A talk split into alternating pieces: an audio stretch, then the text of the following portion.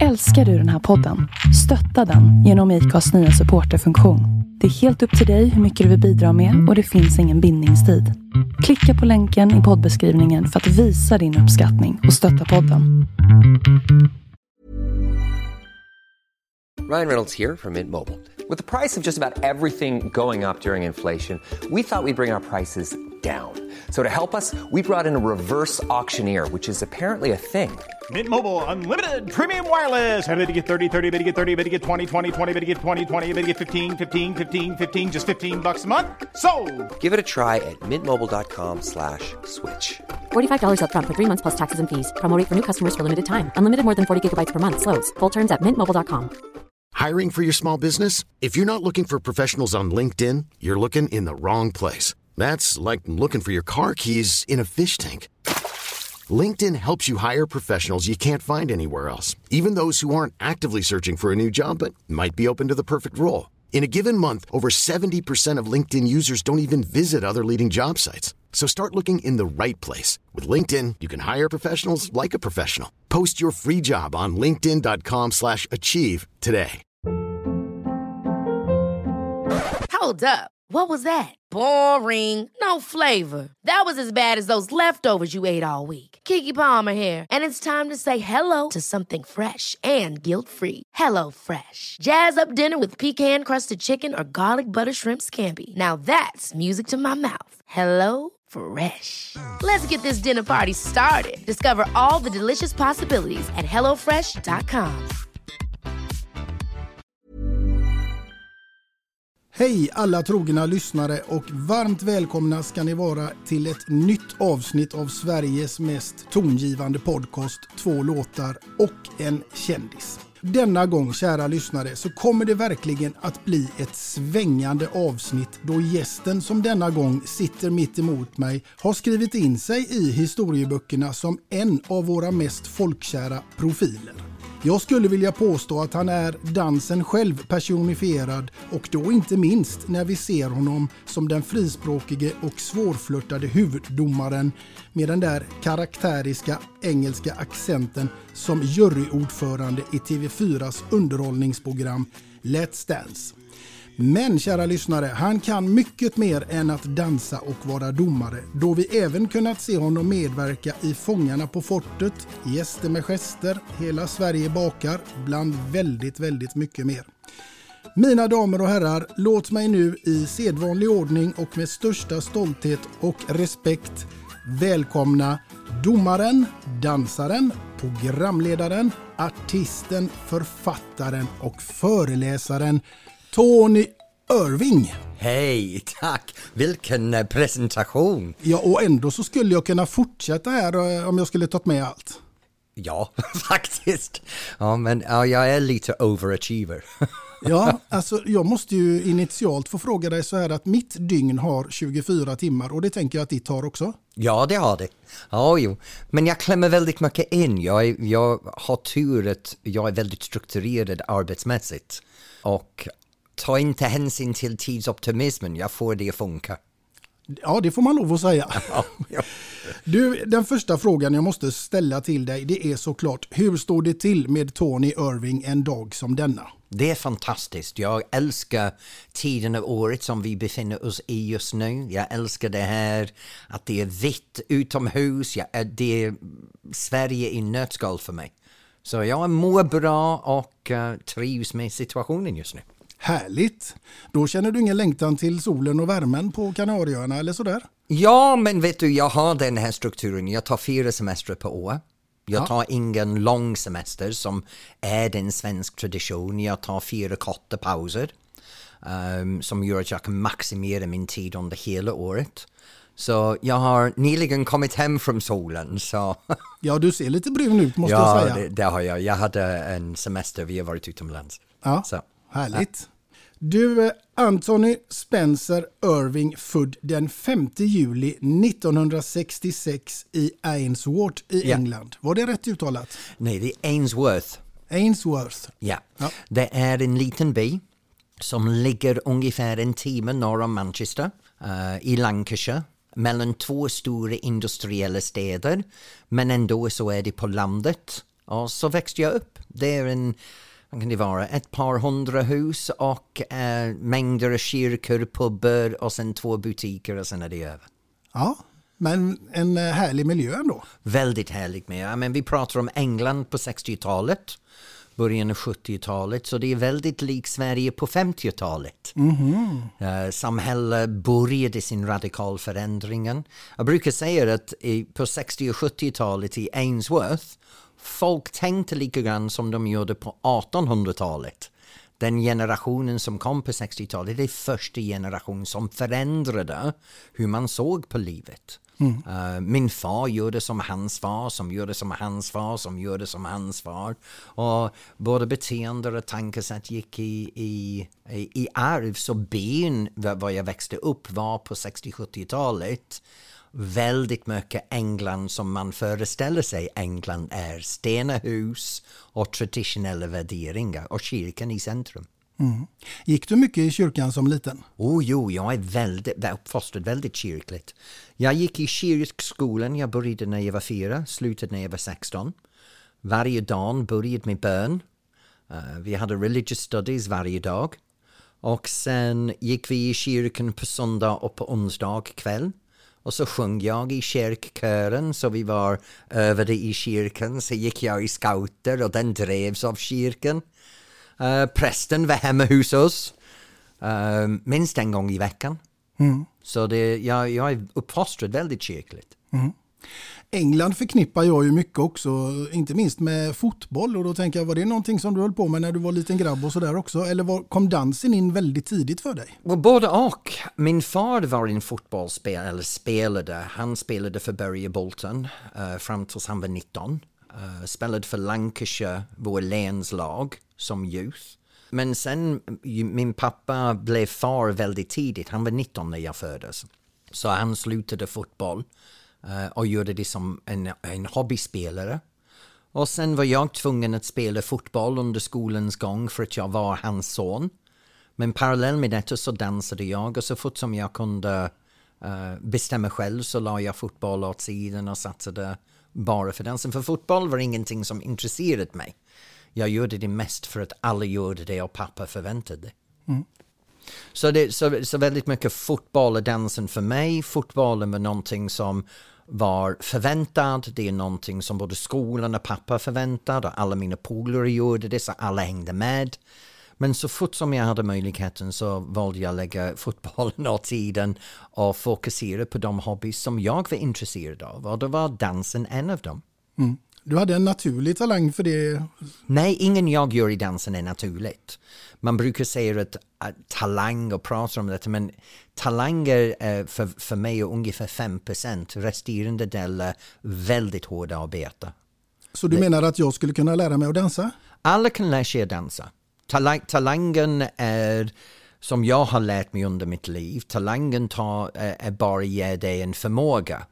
Uh, har du två ben, två armar kan du lära dig dansa. Sitter du i rullstolen så kan du dansa. Alla kan lära sig dansa. Men det gäller att du har kompetenta tränare. Och som tur är för mig, mitt liv har varit präglad av väldigt kompetenta ledare och tränare. Mm. Det är ganska tuff eh, disciplin i dans om jag har förstått det rätt. Jo, men det kräver mycket självdisciplin uh, och självledarskap. Man, man ska förstå när man ska kliva ur sängen lite tidigare för att göra den extra träning. Vad man lägger åt sidan och väljer bort när man dansar. För dansa, som många andra konst eller yrken, det är ett livsstil. Man väljer inte nu ska jag ha jobb som dansare, jag väljer på det här sättet ska jag leva. Och då krävs det en viss medvetenhet om kost, en medvetenhet om träning, en medvetenhet om sig själv. Hur fungerar jag? Hur ska jag förmedla min konst? Och också med den tävlingsformen som går parallell med konsten, då ska man ha en målmedvetenhet till en kontinuerlig utveckling. Mm. Men där ställer det ju också väldigt höga krav på jag tänker på det här yttre, hur man ska se ut och vad man ska äta och hit och dit. Under min liv så har jag gått igenom olika utvecklingsfaser. I början när jag var ung så hade jag en tränare som sa till mig There's no such thing as an ugly champion. Och, och, direkt så förstod jag att hur jag ser ut, min ansikte, mina tänder, min hår, min kroppsform. Vill jag vara bäst i en estetisk bransch så måste jag se till att jag är paketerad på rätt sätt. Så jag började banta som en, en tonåring. Jag tror jag var 12-13 år när jag började banta första gången. Oh, herregud. Uh, mina föräldrar opererade bort fyra tänder Eh, och gav mig en tandställning. Nu pratar vi om 70-talets England. Och engelsmännen, vi är inte kända för snygga tänder. Så att, att ha en tandställning och ta, eh, på England på 70-talet, det var väldigt eh, uh, nytt och, och inte normal i byn var jag växte upp. Men jag gjorde det för att få bra tänder och den medvetenhet om att ja, men om jag har inte det, det kan jag fixa. Den hade jag med mig genom livet väldigt länge. Att jag bantade snabbt för att gå ner i vikt för att göra en tävling, fixa håret, färga håret, uh, lägga på krämer på ansiktet för att försöka hålla mig ung. Och när jag blev äldre för att försöka få mig att vara ung igen.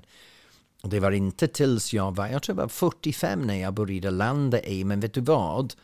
Det som jag har på insidan syns på utsidan om, om jag bara litar på det. Så det, mm. jag var 45 när jag började kliva ifrån den uh, hemska beteende jag hade lärt mig som ungdom om fåfänghet, yttrande, uh, uh, påverkan. Mm. Jag tänker att vi ska komma in lite på det för att så småningom så, så flyttar du ju från England till, till USA. Till USA ja. ja. Jo, det gjorde jag. Jag flyttade uh, av en ren slump. Jag dansade i Manchester uh, på en dansskola och vi var bjuden till London för att göra en show. Så vi gjorde showen i London. Och när vi var där så var det en, en uh, studioägare från LA som var i publiken. Och hon kom upp efteråt och erbjöd oss möjligheten att vara i hennes uh, studio i LA för sex månader. Hon betalade flyget, boende och allting. Uh, och sa om vi var inte nöjda efter sex månader så får vi komma hem. Och jag stannade där nästan tio år. Tio år? Ja, jag gick för sex månader och stannade tio år. Så jag var borta nästan hela 80-talet. 91 flyttade jag tillbaka till England. Mm. Och då under den tiden så hann du att gifta dig eller? Jag var gift två gånger med kvinnor. Ja. Jag är gift en tredje gång nu med min man. Uh, men jag gifte mig med min danspartner uh, först. Och sen skilde vi oss efter sex månader och hon flyttade hem till England. Sen gifte jag mig igen när jag var i USA. Båda mina äktenskap var, uh, hade inte med läggning att göra, det hade inte med en identitet på den sätt. Det var botemedel. Jag vill inte vara homosexuell. Så för mig första gången var det, okej okay, om jag gifter mig så kommer jag att få uh, en botemedel, allt kommer att vara rätt. Men det funkade inte så jag klev ur garderoben för första gången och försökte acceptera min läggning. Men hela prägel med min religiös bakgrund och min uppfostrande eh, satt en liten mental spår på mig. Jag, jag var i konflikt med mig själv hela tiden. Jag, jag vill acceptera mig själv men allting jag visste kämpade emot. Så jag gifte mig igen. Och det var inte efter, tills efter min andra äktenskap som jag började förstå att jag är inte mentalt sjuk. Jag trodde att det var en mental sjukdom. Jag trodde verkligen att du vet, typ, något är fel på mig. Men efter min andra äktenskap så började jag förstå att det här är normalt för mig. Det här är min natur. Och jag var mm, då tvungen att ta tag i de saker som blockerade att jag kunde eh, acceptera mig själv. För att inte acceptera mig själv, den tog lite udda former. Jag kunde dricka väldigt mycket. För när jag var, när jag, när jag var full så hade jag ingen in, inhämningar och kunde leva ut mitt liv.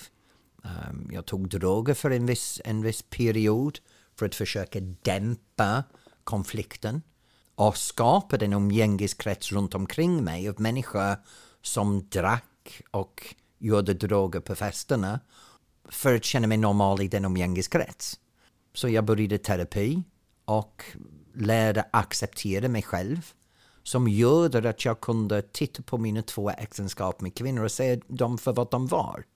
De var inte en sann relation, de var inte hälsosam situationer och de var en, en sökande efter en yttra, ytterligare botmedel för någonting som jag behövde inte bota mig själv ifrån. Mm. Hur eh, reagerade omgivningen på det när du kom ut sen med din läggning?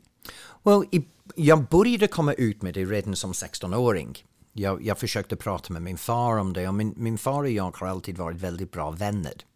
Så min pappa när jag växte upp, speciellt efter att han var så ung, min pappa var 19, som gjorde att när, när jag var 16, min pappa var 35 år gammal. Vi är, vi är som eh, samma generation. Så vi hade en otroligt bra relation.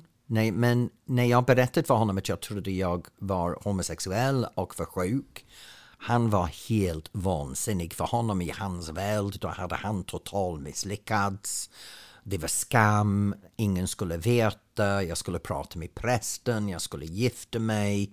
Så det, det gör det ännu mer att jag klev in i garderoben, gömde mig och kände skam och skuld uh, för mina känslor. Och när jag väl till slut kom ut, min pappa hade totalt förändrats och jag tror det här var någonting som jag bär med mig idag, en medvetenhet att den tid det tar mig att förändras så finns människor runt omkring mig som har sin egen livsresa. Mm. Och den livsresan gör att de kan också förändras. Så det var också en otroligt gåva min pappa gav mig. För i den stunden när jag väl erkände till honom att nu är jag stående på, på, på båda fötterna, jag accepterar min läggning, jag älskar mig själv, jag är bög, jag kommer aldrig att göra om de misstag jag har gjort för att skada mig själv genom att förtränga min läggning. Han var bara, jaha, bra, nu plockar vi upp härifrån. Vad ska vi göra nu? Härligt. Ja. Det slutade bra. Det slutade väldigt bra. Men jag har tur att han är den generationen som har tagit till sig samhällsförändringar och en förståelse och kompetens om att man och kvinna heterosexuell liv det är inte så det är i verkligheten. Det är, en, det, det är en begränsad fantasi som ett samhälle har levt i för några hundratals år. Mm. som har skapat bara dåliga situationer för en stor del av befolkningen. Och min pappa är en av dem som har lärt sig under åren att ja, han har fått en annan tanke. Mm. Härligt. Härligt. Du Tony, jag tänker att vi ska backa tillbaka bandet lite grann till din ungdom. För jag tänker att jag vill fråga dig vad som egentligen är ditt absolut första minne till musik som du kan komma ihåg från en sån där tidig, tidig ålder. Vet du vad, jag kan berätta för dig. För, för mig är det Spencer Davis Group.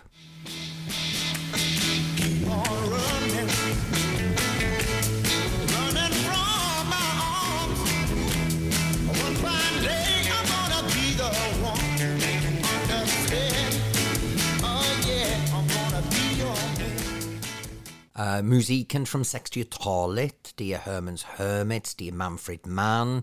Mina föräldrar, efter de var så unga, de var väldigt trendmedveten. Så jag växte upp i ett hus där musiken spelades hela tiden. Det spelades i köket från morgonen. Pappa spelade sin musik på kvällarna. Uh, mamma spelade sin musik. Uh, kläder och mode var väldigt viktigt hemma hos oss när vi växte upp. Så min, min musik är 60-talsmusik. Men det första gången jag valde musik själv så är det en låt som fastnar med mig hela tiden. Och det är Amy Stewart och det är Knock on Wood.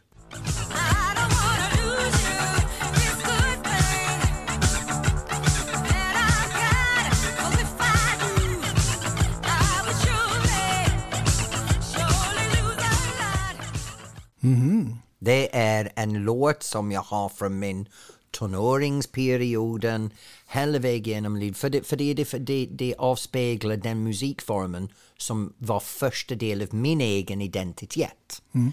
Innan den musiken, det var min mamma tycker om det här så jag tycker om det här, min pappa tycker om det här för, så jag tycker om det här. Så Amy Stewart, Knock on Wood och discomusiken är det första gången jag hittar en genre som var mitt identitet. Mm. Sen vill jag ju också passa på att fråga då, vilken var den första plattan som du kom att köpa för egna pengar? Första plattan jag köpte på egna pengar? Åh gud, nu måste jag tänka. Jag tror, om jag minns rätt, så var det Blondie.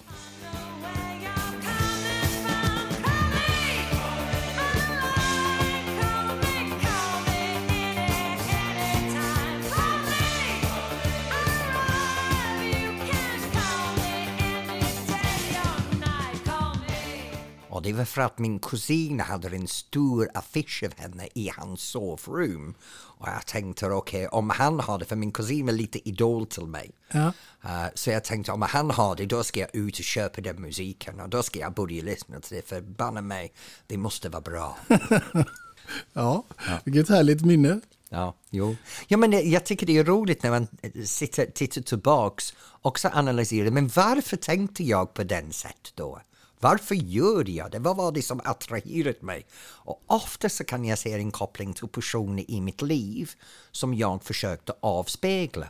Jag försökte härma dem. Så här min kusin, han är rakryggad, han är ärlig, han är eh, idrottskille, alla älskar honom, som honom vill jag vara. Mm, mm. Ja, men då härmade jag honom för ett tag till jag upptäckte att jag, ah, det kanske inte stämde det som jag tycker, så började jag titta på någon annan närmare istället. Mm. I sökande av mig själv. Men där tänker jag att det är många som säkert skulle vilja vara som du när du kom upp sen i tonåren och sprang på diskotek och var kung på dansgolvet. Vet du, det har jag aldrig tänkt på. Hur andra säger mig har bara påverkat mig i situationen med min läggning. Men arbetsmässigt, det har aldrig varit viktigt för mig hur andra ser mig. Så jag har aldrig, aldrig funderat på hur andra upplever mig på, på, på den sätt. Men jag hoppas att jag har påverkat några på sättet som mina kusiner påverkat mig. Mm. Jag tänker att det här med dans, det ingick ju på något sätt i skolan för dig när du var liten. Ja, både skolan och hemma. Jag kommer från en väldigt dansant familj. Som tur är, min, min mormor uh, var en dansare själv. Um, hon var en dancehall-girl mellan krigarna. Och sen är hennes kusin var en världsmästare. Uh, eh, en man som heter Henry Jakes var en, en danssportsdansare, ballroomdansare som, som man kallade det på den tiden. Så dans har, har varit i familjen. Samtidigt som det var förväntat när jag var liten att en man ska lära sig hur man uppför sig. Och pardans var ett väldigt bra sätt för att lära oss att umgås mellan könen. Att lära sig vett och etikett att lära sig de andra sociala beteenden som uh, artighet och sådana grejer ingick i paketet. Uh, men också det här med att när man dansar så dricker man inte lika mycket. Så dans har alltid varit ett sätt att umgås som vuxna kan göra vad man dricker mindre. Och för barnen, så på min generation, så lärde oss de saker och verktyg vi behövde som vuxen. Och på 60-talet och 70-talet i England, det var förväntat att, att pardans social umgänges, att kunna få slänga runt med en jive. Det var där det började. Men sen för mig så gick det lite längre, att jag började gå i dansskolning och, och tyckte det var roligt med dans som en hobby. Mm. Ja, själv säger jag som Magnus Uggla, jag dansar aldrig nykter. Men vet du, det finns ingen fel i det hela. Man gör det som man vill göra för att komma upp på golvet och mjukna av och ha lite roligt. Ja, så får det vara. Ja. Men annars så skulle jag vilja fråga dig, är liksom män generellt sett för dåliga på att dansa? Absolut inte.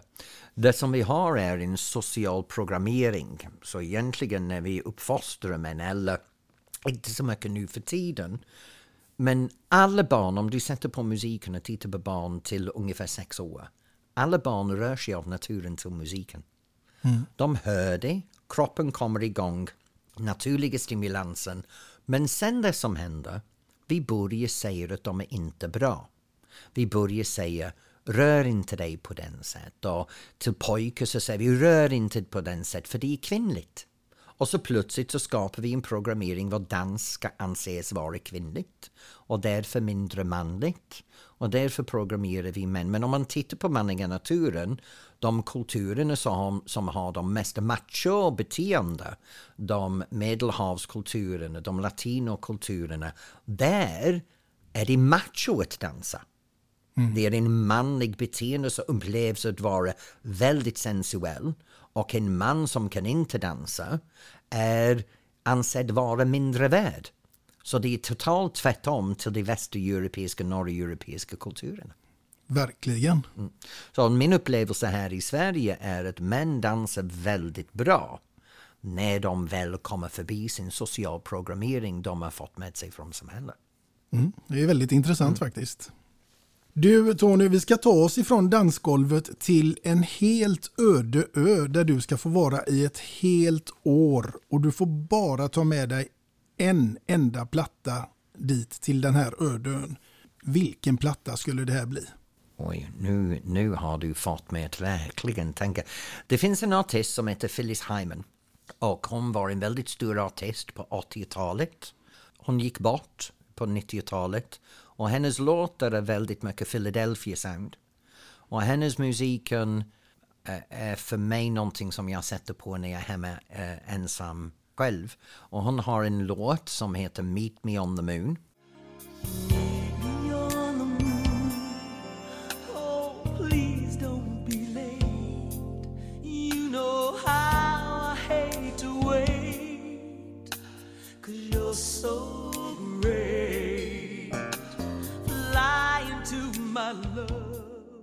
Och det är min drömlåt, det är fantastiskt för mig.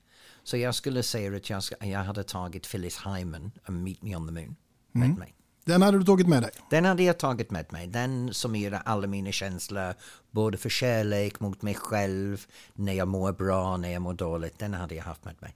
Då hade du klarat dig på en ö i ett helt år. Ja, gud ja. Den, den ger mig känslor och den ger mig motivation och den ger mig drömmar. Ja. Du, du har också skrivit eh, en bok som heter 10 danser, 10 menyer och 10 drinkar. Ja, du vet, folk ser på dans som en fysisk rörelse med musik. Men dans är så mycket mer. När man ser på eh, till exempel en tango. Och tango kommer ursprungligen från Argentina. Den utvecklas under 1800-talet. Så man har en historik, man har en berikad kultur. Det är den mat som kopplas till hur man umgicks på den tiden, den miljö man umgick i. Det är dryckerna som man drack när man dansade, det är klädstil. Så för varje dans så finns det en total kultur som avspeglar sig från maten till drycken, från kläder till orkestrarna.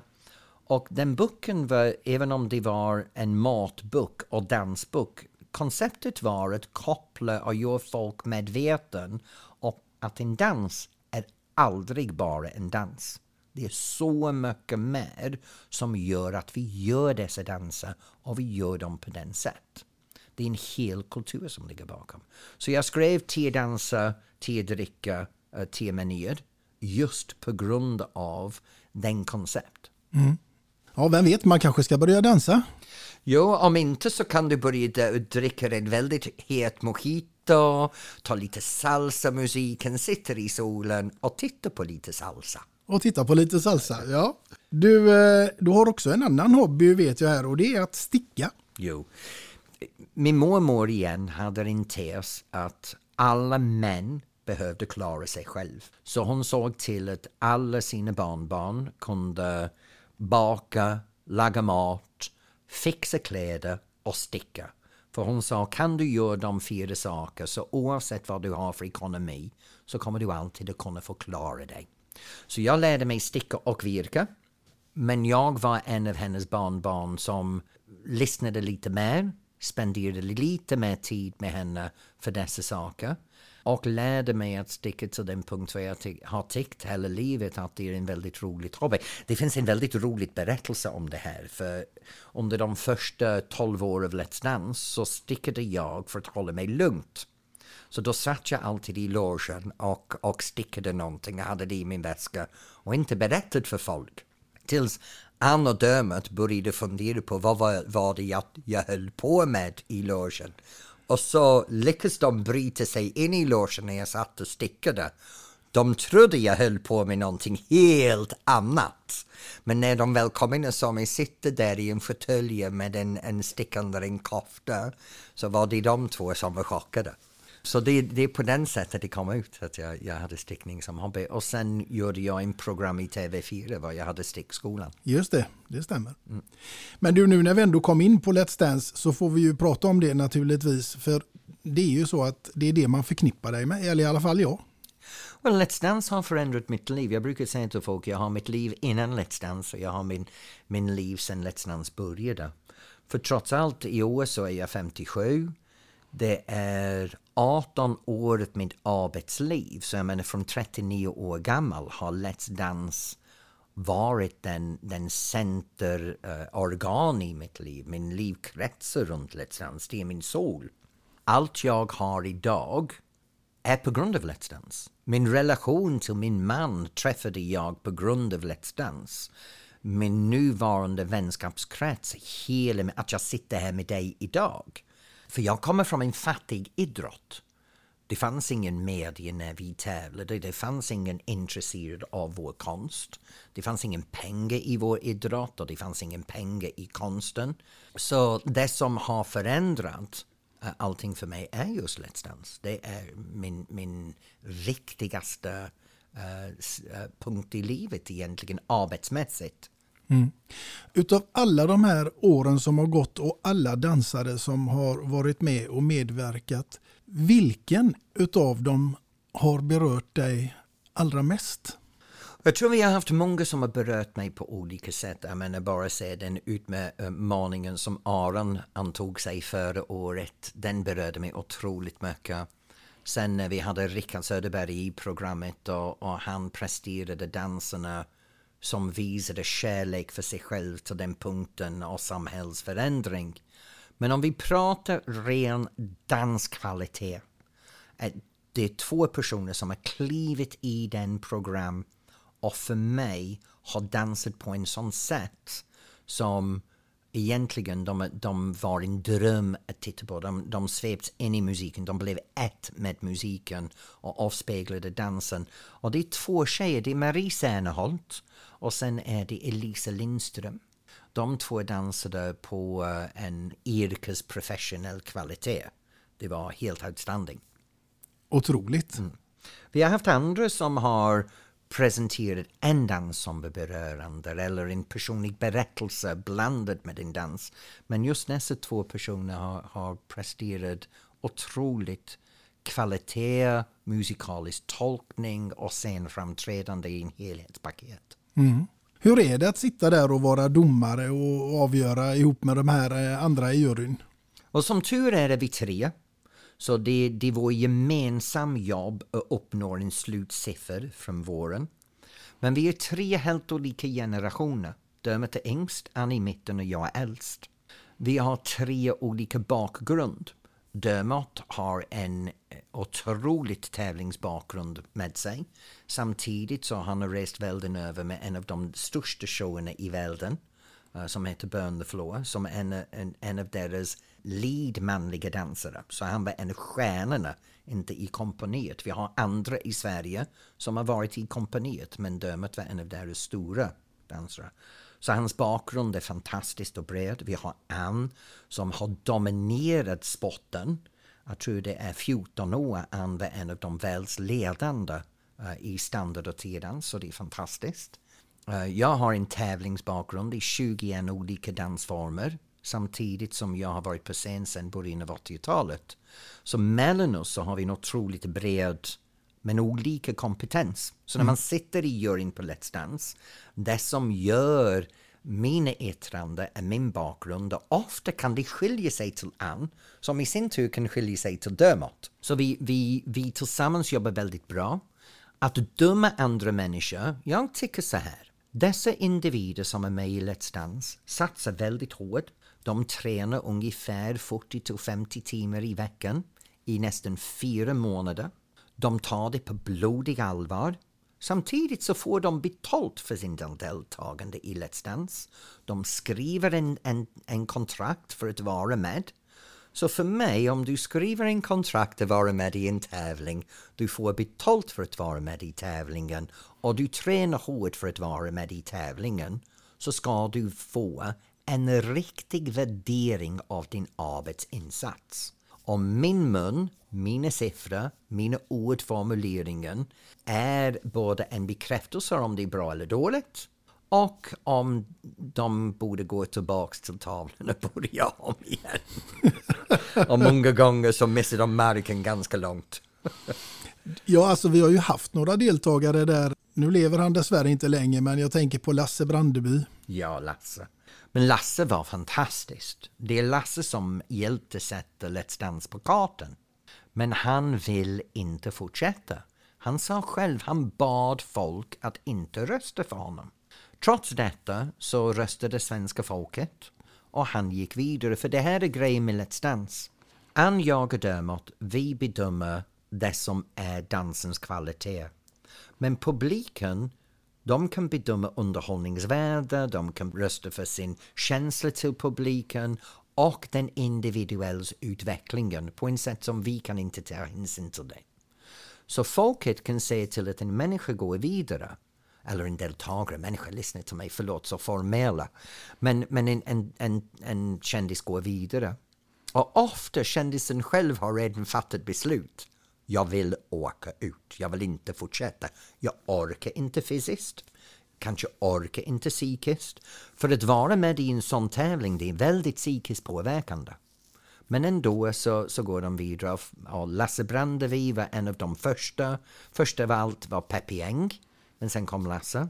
Och dessa två bidrog till att Let's Dance har haft den genombrott den har haft. Men vissa gånger publiken säger till att folket stannar kvar trots att de vill inte det. Nej, men är man tävlingsmänniska tänker jag så då vill man inte ha massa flams utan då får det ju vara på riktigt. Och jag tror grejen är att många personer gör Let's Dance på olika anledningar. Vissa gör det för att de har en ny program som kommer eller en ny produkt de vill lansera. Och så är de med i Let's Dance och når snart 2,5 miljon tittare med om man slår ihop linjär och digital tittning. Det kan vara så att de vill ha en comeback-period som händer för vissa kändisar efter de har varit med i Let's Dance. Men vissa också tar det för att de vill ha en utmaning. De har beslutat, vissa, vissa män till exempel vet jag har gjort det för deras barn har tjatat till sig så pappa går med i Let's Dance. Och de gör det, de tar till sig den här utmaningen. Alla får samma utmaning, alla får samma förutsättningar. Alla får en otroligt bra dansare, alla har de bästa träningsmöjligheterna. Och sen står de där på golvet och i 90 sekunder ska de framföra en dans som avspeglar deras arbetsinsats. Och i just den stunden, för den individen, oavsett deras anledning att vara med i Let's Dance, det är tävling på riktigt. Mm. Även de som säger att jag inte är en tävlingsmänniska. Så fort som de sätter fot på deras golvet, nerverna eh, kickar in, stressen av kamera, att veta att det sitter miljoner personer hemma och tittar på. Nästan tusen personer live i publiken, den energin och sen en jurypanelen som sitter där och glor och söker misstag. I den stunden då är tävlingen på allvar för varje deltagare. Det är alla som går in i det, alla blir behandlade likadant och alla vill ha så bra möjligt uh, resultat. Mm. Har du någon gång i din, i din roll som domare när du har suttit där blivit riktigt förbannad? Många gånger. Ofta är jag förbannad med individer som jag ser att de har inte tagit varit på förutsättningar. Det kan hända att en person har en familjesemester till exempel och plötsligt så åker de bort för fyra dagar på en familjesemester som gör att nästa vecka de kommer in och de har bara tränat två dagar. Självklart kan de åka på den familjesemester men jag tycker det är förnedrande gentemot de andra deltagarna att den här personen förväntar sig en bra resultat från en tävling när de inte tagit det på allvar. Så när, när tävlande tar en semester då blir det förbannat för de dansar dåligt. Sen blir jag irriterad när personer latchar alive. Du vet om någon säger att ah, jag tog en glas vin innan jag tävlade. Som man kan läsa om i en tidning med jämna mellanrum att någon har sagt. Ja men då tycker jag att, att den personen kan lika gärna åka ut. Mm. Du vet, för de har inte tagit tävlingen på allvar. Men självklart har de levererat sin underhållningsvärde. Men tävlingen, ja, det har de inte tagit på allvar. Så det gör mig arg. Sen kan jag vara frustrerad som kan visa sig i, i arg när vissa personer har fel inställning mot en dans. Du vet om någon kommer ut och har en glad dans och de dansar arg eller de har en romantisk dans och de dansar kall. Om de har en snabb dans och de kommer av takt överallt. Det kan göra mig uh, frustrerad som kan visa sig i irritation. Men det gör inte mig arg. Nej. Sen brukar ju programledaren, vem det nu må vara, också försöka hitta många roliga poänger eh, ihop med dig. Jo, jag, jag kan säga så här, min, min brytning av personlighet gör att jag är en levande karikatyr. Uh, jag är en, en cartoon-ritad eh, figur som sitter där. Jag är lite flamboyant i mina färger och glitter. Min hår har sett ut på 20 000 olika sätt under åren och det vet jag själv. Så när vi hade David Helenius så, så kunde han använda det här som en verktyg. Men Petra, Petra har en annan klass i hur hon gör saker. Hon har en annan stil. Petra är en, en dansare själv i botten. Så jag upp, upplever att även om Petra kan driva med mig, hon gör det på en helt annan sätt till David. Plus det är lite svårare för mig också att, att bolla tillbaka med Petra. Med David så kunde jag be honom att bara hålla käften och vara lika eh, eh, blunt tillbaka till honom. Och det var vår relation och det var väldigt härligt. Men Petra också, det, det är för mig, jag har Petra på en annan pedestal än vad jag hade David på. Kanske för att jag växte upp med David Helenius i tv. Han var, du vet, nej, jag började med honom. Jag visste ingenting annat. Så min relation med honom har alltid varit, um, ja, vi växte upp parallellt med varandra. Men med Petra har jag haft på pedestalen. Hon är för mig eh, en, en annan typ av programledare. Så jag, jag har sidenhandskar när jag pratar lite med Petra. Jag är lite rädd för henne, rädd för henne om jag ska vara ärlig. Ja, Ryan Reynolds here from Mint Mobile. With the price of just about everything going up during inflation, we thought we'd bring our prices down. So to help us, we brought in a reverse auctioneer, which is apparently a thing. Mint Mobile unlimited premium wireless. Ready to get 30, 30, bit to get 30, bit to get 20, 20, 20, bit to get 20, 20, bit to get 15, 15, 15, 15 just 15 bucks a month. So, Give it a try at mintmobile.com/switch. slash $45 upfront for three months plus taxes and fees. Promo for new customers for limited time. Unlimited more than 40 gigabytes per month. Slows. Full terms at mintmobile.com. Ever catch yourself eating the same flavorless dinner three days in a row? Dreaming of something better? Well, HelloFresh is your guilt-free dream come true, baby. It's me, Kiki Palmer. Let's wake up those taste buds with hot, juicy pecan-crusted chicken or garlic butter shrimp scampi. Mm. Hello Fresh. Stop dreaming of all the delicious possibilities and dig in at HelloFresh.com. Let's get this dinner party started. Millions of people have lost weight with personalized plans from Noom, like Evan, who can't stand salads and still lost 50 pounds. Salads, generally, for most people, are the easy button, right? For me, that wasn't an option. I never really was a salad guy. That's just not who I am. But Noom worked for me. Get your personalized plan today at Noom.com. Real Noom user compensated to provide their story. In four weeks, the typical Noom user can expect to lose one to two pounds per week. Individual results may vary. Hiring for your small business? If you're not looking for professionals on LinkedIn, you're looking in the wrong place. That's like looking for your car keys in a fish tank. LinkedIn helps you hire professionals you can't find anywhere else, even those who aren't actively searching for a new job but might be open to the perfect role. In a given month, over 70% of LinkedIn users don't even visit other leading job sites. So start looking in the right place. With LinkedIn, you can hire professionals like a professional. Post your free job on linkedin.com slash achieve today. Hey there, it's Michelle Norris. I'm host of a podcast called Your Mama's Kitchen. When I travel, I'm usually looking for a way to find a taste of home when I'm not at home. And one of the things I love to do when I am at home is entertain. And Airbnb allows me to do that. When I was in California recently, I rented a house that had a great kitchen. And when we were sitting around the table, we we're all thinking, we're in someone else's house. Someone could be in all of our homes as well. If you have a home, but you're not always at home, you have an Airbnb. Your home might be worth more than you think. Find out how much at airbnb.com slash host. Du, Så nu, det börjar närma sig faktiskt här nu att vi ska ta oss ifrån Let's Dance och till ditt första låtval som jag är extremt nyfiken på vad det skulle kunna vara och med vem och inte minst varför. Well, det är en gammal låt som en band som heter Madness och det är en låt som heter One Step Beyond.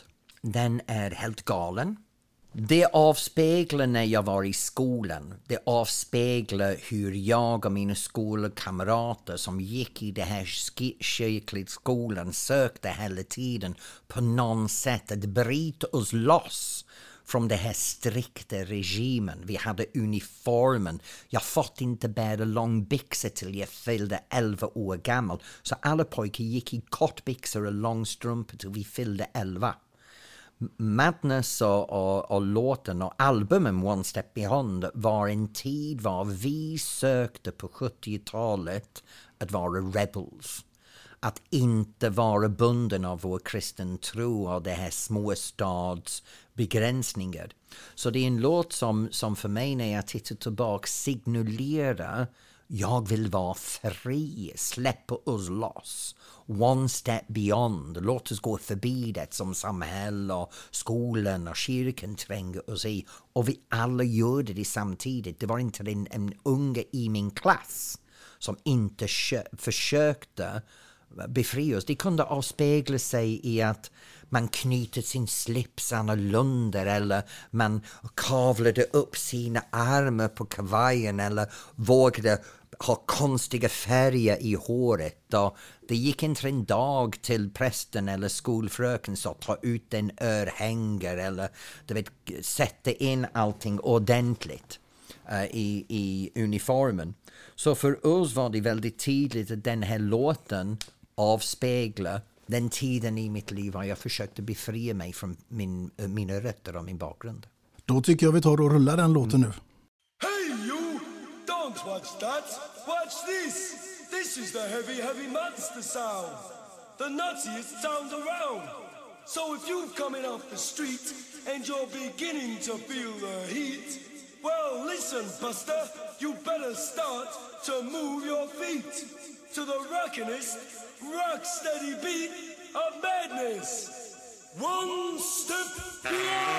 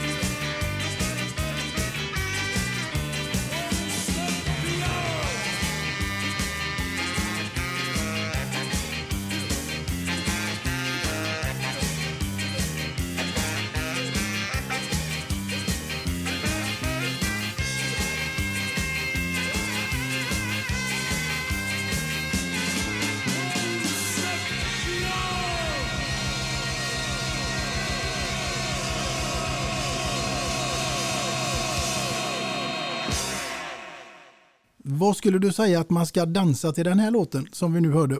Den här låten, det är den stunden man står på banan och man bara skakar och viftar och känner att nu är allting fritt. Så det är ingen pardans, det är ingen strukturerad dans. Det här är bara höra pulsen, höra låten and go for it. Det är ett bra tips.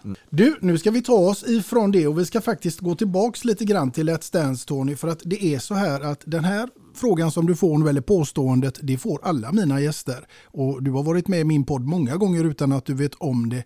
Men nu, nu är det följande scenario som gäller och det är så här att du är i final i Let's Dance. Jag vill veta med vem du hade dansat och här är det bara fantasin som sätter gränserna. Och jag vill också veta till vilken låt detta nu hade fått utspela sig till. Oj, okej. Eh, jag hade dansat till låten uh, I'm wishing on a star, Rose Royce. Jag hade dansat en blandning av en rumba och theater arts. Theater arts är när vi lyfter varandra, för i vanliga fall i pardans har man alltid en fot på marken. Så det har varit en blandning av rumba och, och liftwork. Jag hade danspartner, nu måste jag tänka för det här är jag allt, min drömpartner. Jag hade en tränare som heter Nina. Och Nina var med och ger mig så mycket kunskap om hur jag rörde mig. Och jag var lojal till henne tills hon dog i 95. Hon var den person som gav mig en känsla, en dröm, en ambition. Men jag aldrig dansat med henne. Hon aldrig tog mig i handen. Men hon var en ballettdansare i botten. Det var hennes ursprungliga bakgrund.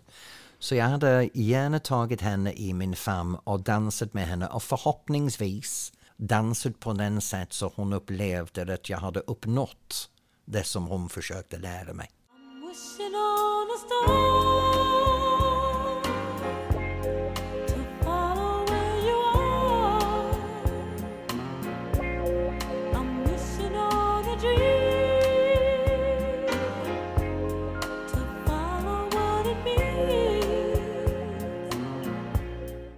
Det var fint och det tror jag med all säkerhet att hon hade gjort.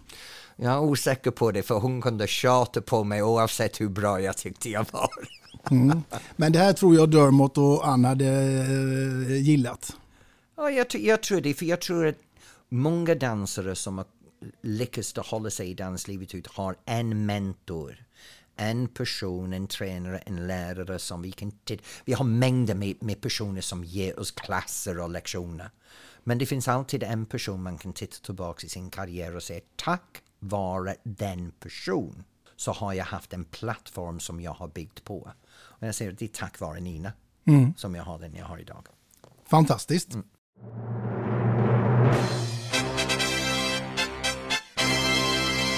Där kom den Tony. Det är alltså fem snabba. Har du fått det förut? Nej, men jag är villig att ta det nu, så nu kör vi. Nu kör vi. Då är den första så här. Vara bäst bland de sämsta eller sämst bland de bästa? Sämst bland de bästa. För jag kan se tydligt hur jag ska utvecklas. Det var ett bra svar. Fulöl och fuldans eller skumpa och rumba? Och ful öl och ful dans, den är, den är det bästa. Den är det bästa. Ja, för man dansar för sig själv då. Man försöker inte vara för någonting annat än bara sig själv. Ja. En salsadans med Glenn Hussein eller Claes Malmberg? Och Glenn. En, en salsadans med Glenn, då vet man att det kommer att vara pondus, det kommer att ha roligt och det kommer inte vara så perfekt, men det blir roligt. Det tror jag alldeles säkert. Blått och flott eller grönt och skönt i en månad framöver? Grönt och skönt. Älskar det gröna naturen, älskar gröna känslan. Mm, grön. Mm. Vara med i Bonde söker fru eller vara med i Farmen? Måste jag välja en av de två? Ja. Oj, uh, Farmen faktiskt. Jag skulle vara med i Farmen. Ja. Ja, det är mycket skvaller, och det är mycket dramer och det är mycket... Och jag är inte än försöker någon annan. Så Farmen, Farmen hade blivit bra. Ja, det tror jag också faktiskt. Det hade blivit perfekt. Du, nu ska vi komma in på någonting som är ganska roligt och vi ska hålla oss till alla dina dansare som du har upplevt under Let's Dance. Jag vet inte om du känner till sagan om Snövit och de sju dvärgarna? Ja, jo. Ja.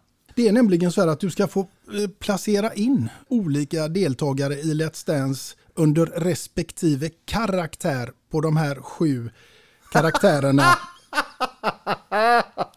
Det här blir roligt. Ja, Okej. så nu undrar jag, vem utav alla deltagare i Let's Dance skulle kunna få representera Kloker? Kloker. En klok person. Camilla Läckberg. Camilla Läckberg kommer in som Kloker. Ja. Då undrar vi vem som får bli dess raka motsats och då hamnar vi ju hos Toker. Toker. Alexander Hermansson. Han är helt tokig. Han körde barnprogram i SVT. Han är en galen pojke. Jättesöt, jätteroligt och galen. Ja.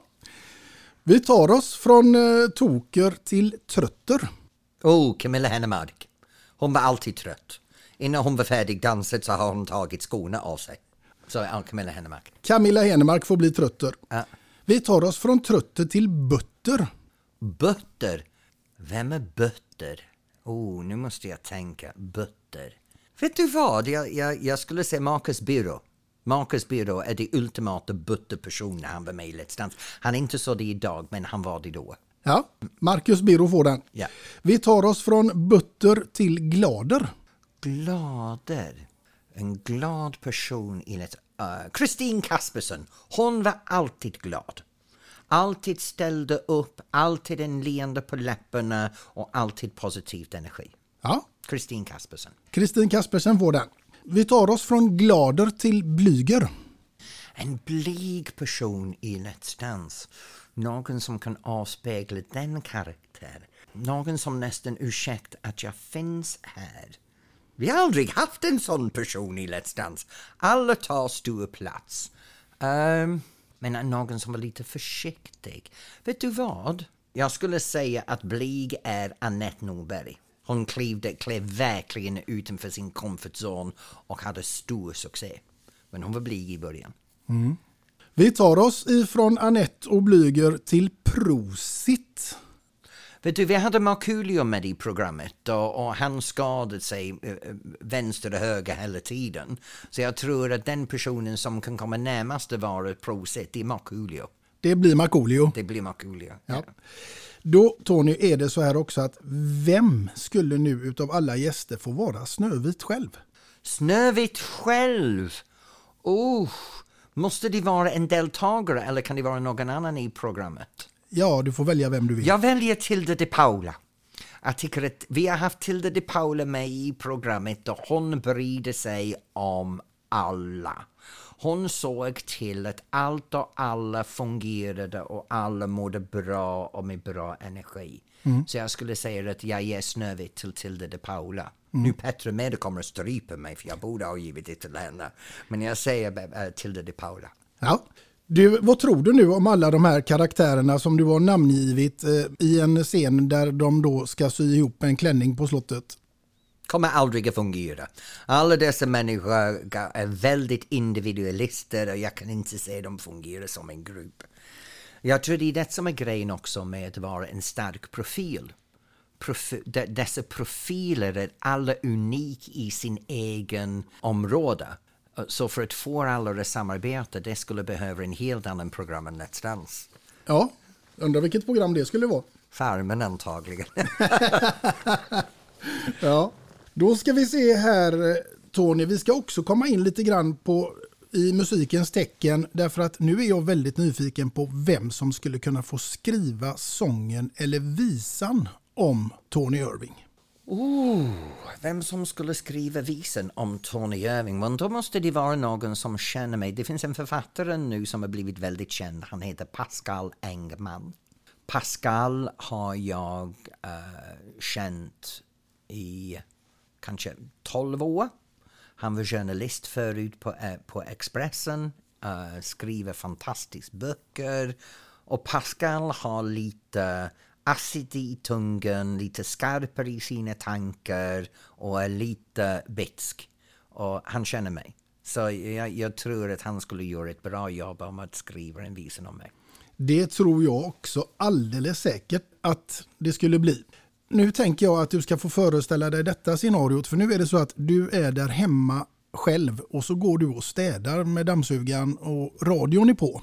Och helt plötsligt så dyker det upp en låt på radion som bara får dig att känna nej, nej, nej, inte en chans. Det här åker av eller jag byter kanal. Allting med Magnus Uggla.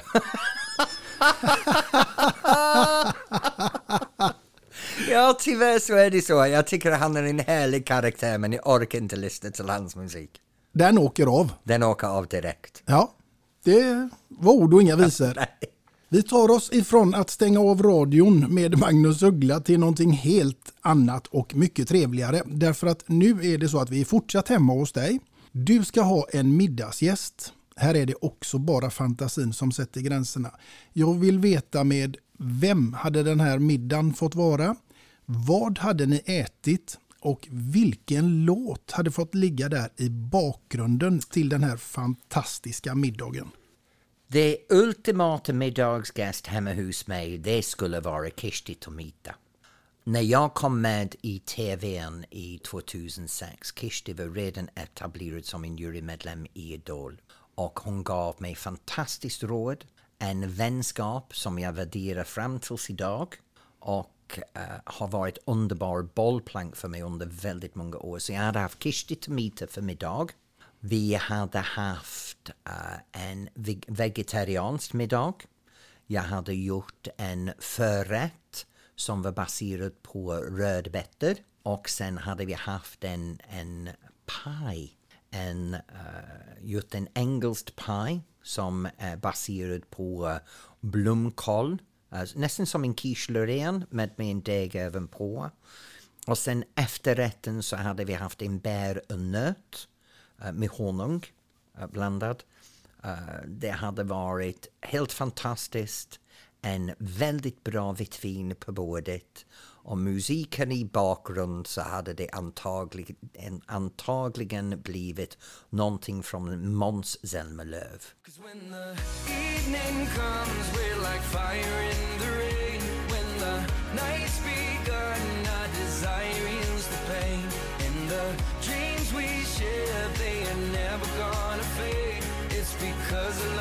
standing here today. We're like fire in the rain. Hon har varit med och, och haft honom i programmet och jag hade honom första året av Let's Dance. Och allting med Mums Mums Måns, det är bara bra. Härligt! Det är som man skulle vilja vara en fluga på väggen vid den Ja, där middagen. Ja, jo. Nej, men det, det är härligt med Kirsti. Jag älskar henne. Hon är en fantastisk människa rakt, i, rakt igenom. Mm.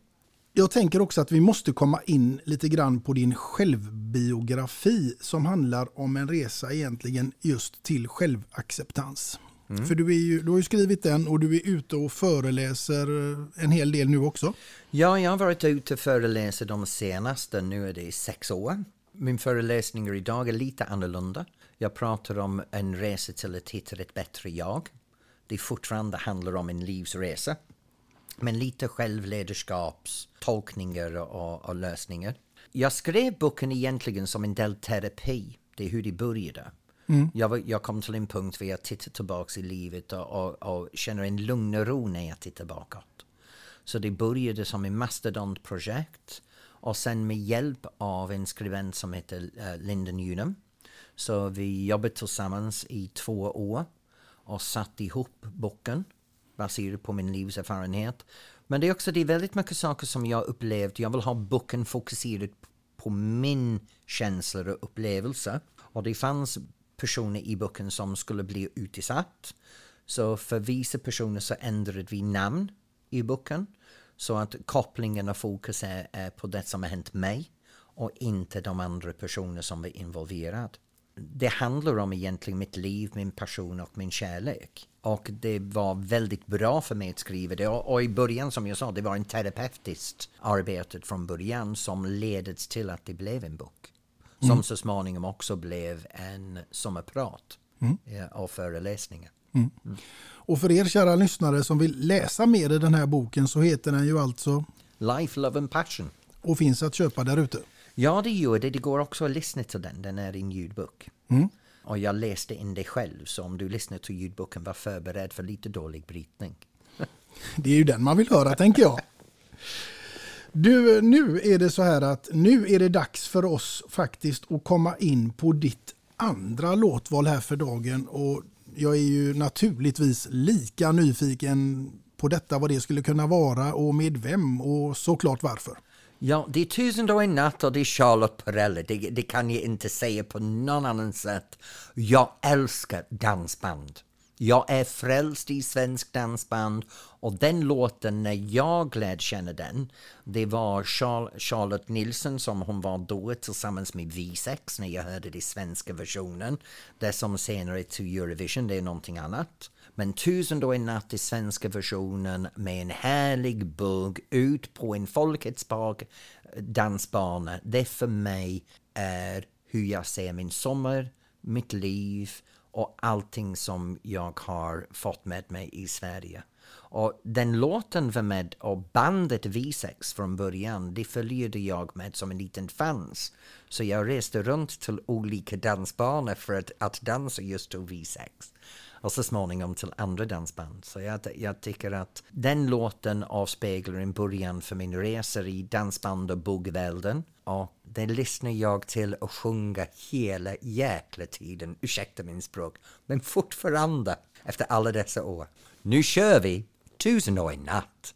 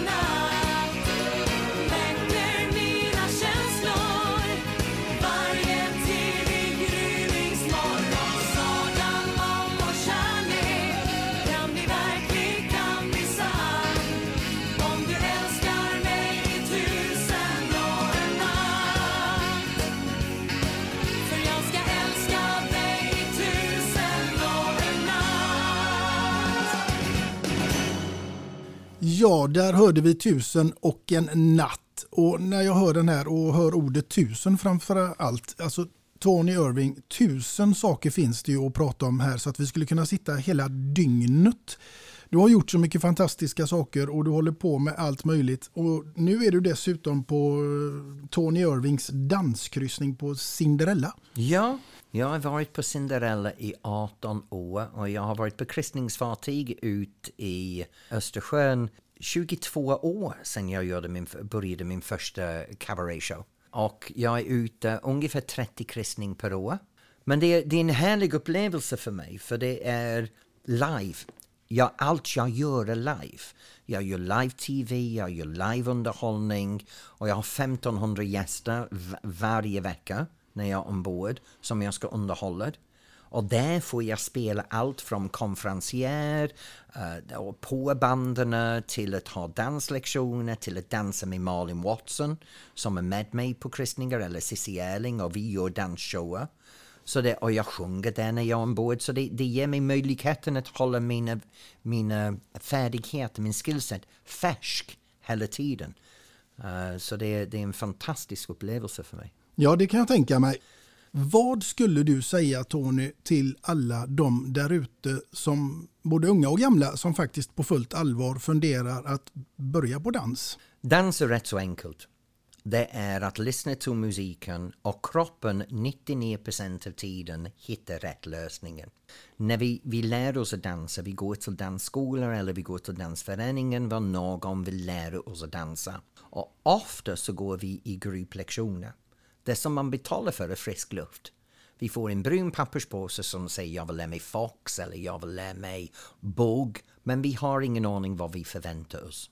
Så det första jag skulle säga är om du har mod att gå och lära dig och kliva in i en dansverksamhet.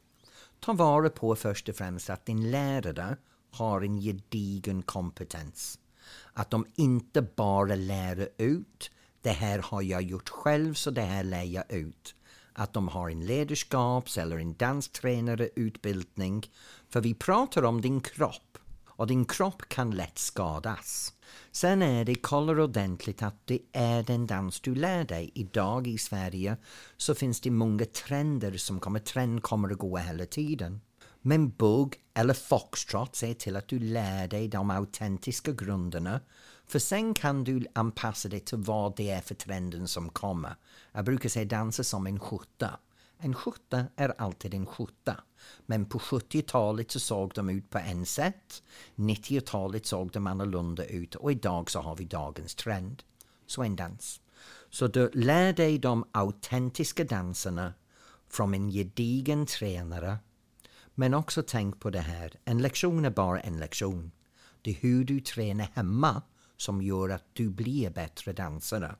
Så för varje danslektion du går, om det är en timmes danslektion, behöver du träna två timmar själv. Då kommer du att äga din dansande när kursen är över. Men att bara gå på en danskurs och tro att du kommer lära dig dansa kommer aldrig att hända. Det var ord och inga visor. Det tar vi till oss. Jättebra, tack.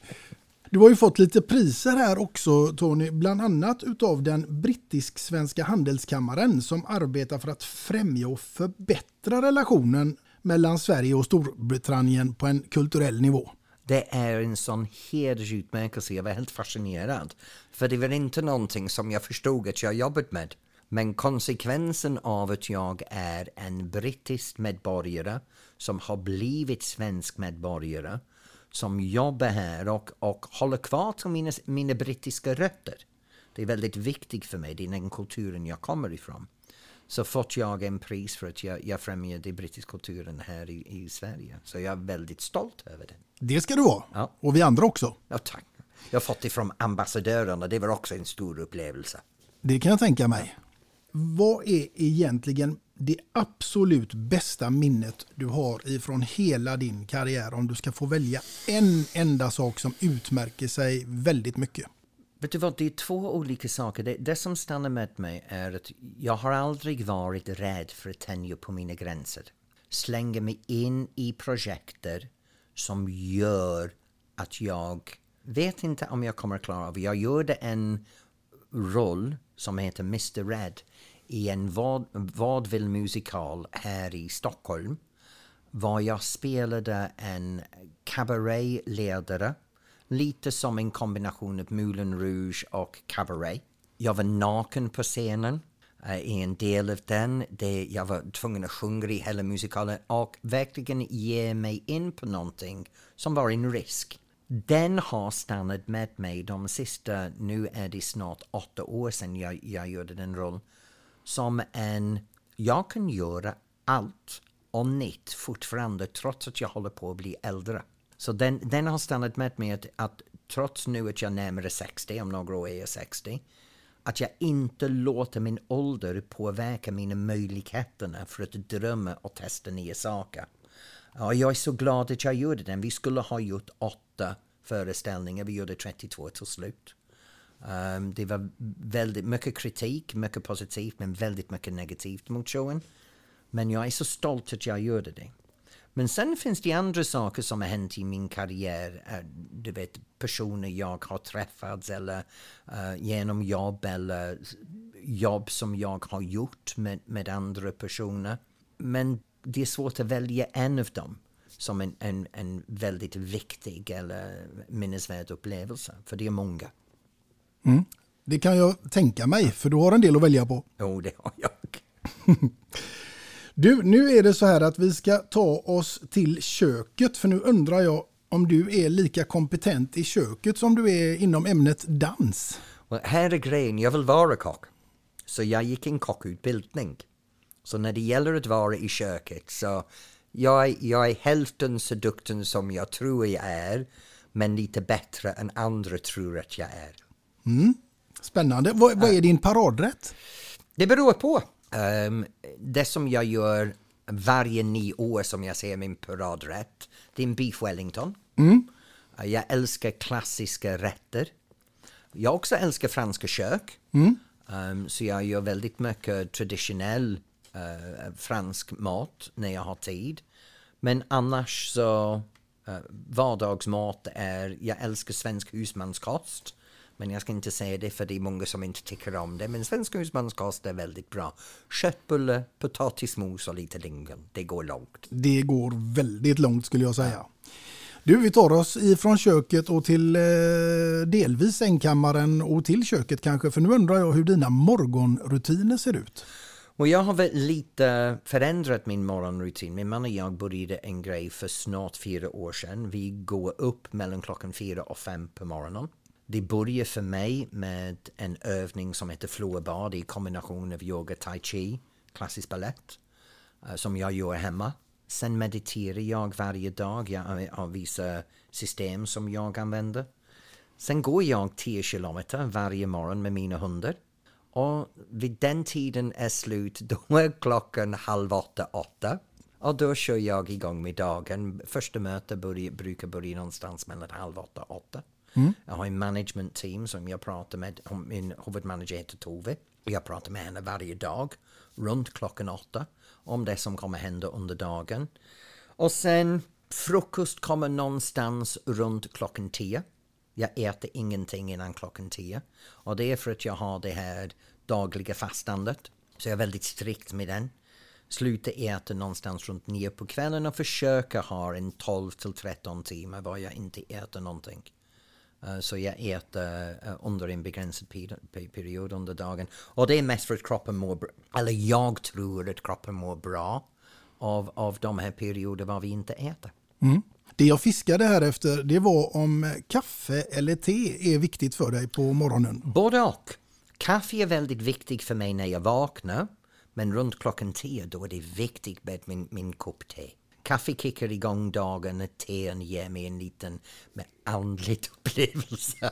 Ja, för det är nämligen så Tony att jag vill vara med och bidra med någonting till dina morgonrutiner hädanefter oavsett om det nu är då te eller kaffe. Men det är väl med våran berömda kaffe eller temugg då med två låtar och en kändis och givetvis får du också ditt namn ingraverat. Och den vill jag be att få räcka över till dig här och nu. Tack så himla mycket. Det är väldigt, väldigt fint. Och du har fått mitt namn också.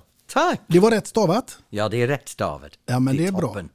Då hoppas jag att den ska få bli en del av dina fortsatta morgonrutiner. Ja, och när jag sitter och lyssnar till din podd framöver också. Det kommer vara roligt. Så tack så mycket. Tack så hemskt mycket.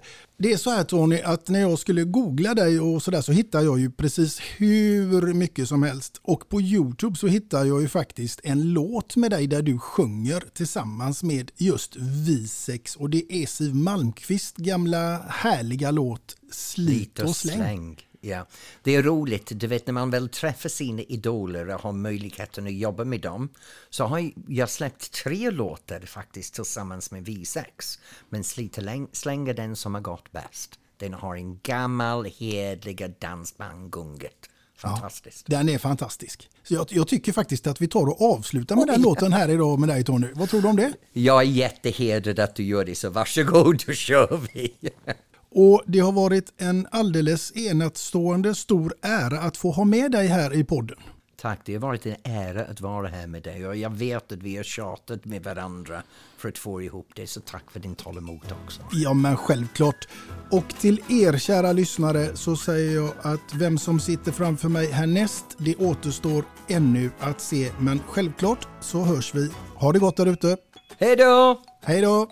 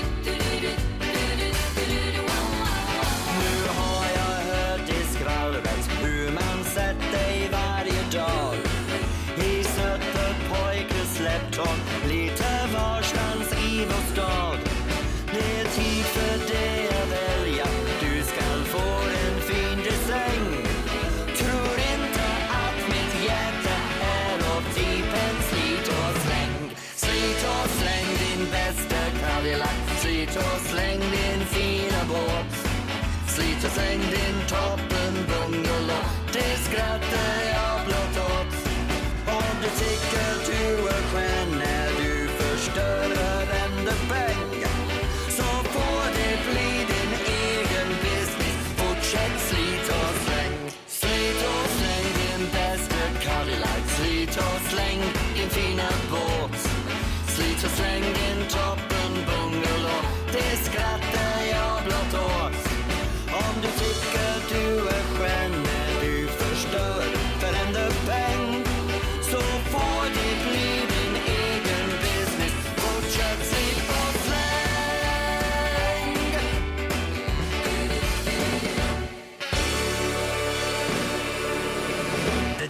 inte så svårt.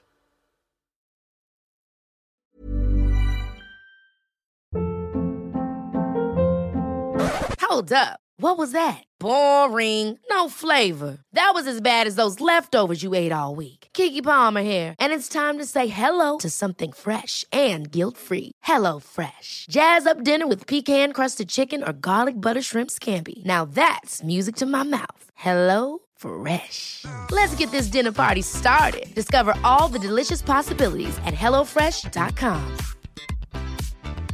Hey, it's Paige DeSorbo from Giggly Squad. High quality fashion without the price tag. Say hello to Quince. I'm snagging high-end essentials like cozy cashmere sweaters, sleek leather jackets, fine jewelry, and so much more. With Quince being 50 to 80% less than similar brands. And they partner with factories that prioritize safe, ethical, and responsible manufacturing. I love that. Luxury quality within reach. Go to quince.com slash style to get free shipping and 365 day returns on your next order. Quince.com slash style. When you need mealtime inspiration, it's worth shopping Kroger, where you'll find over 30,000 mouthwatering choices that excite your inner foodie. And no matter what tasty choice you make, you'll enjoy our everyday low prices, plus extra ways to save, like digital coupons worth over $600 each week. You can also save up to $1 off per gallon at the pump with fuel points. More savings and more inspiring flavors make shopping Kroger worth it every time. Kroger, fresh for everyone. Fuel restrictions apply.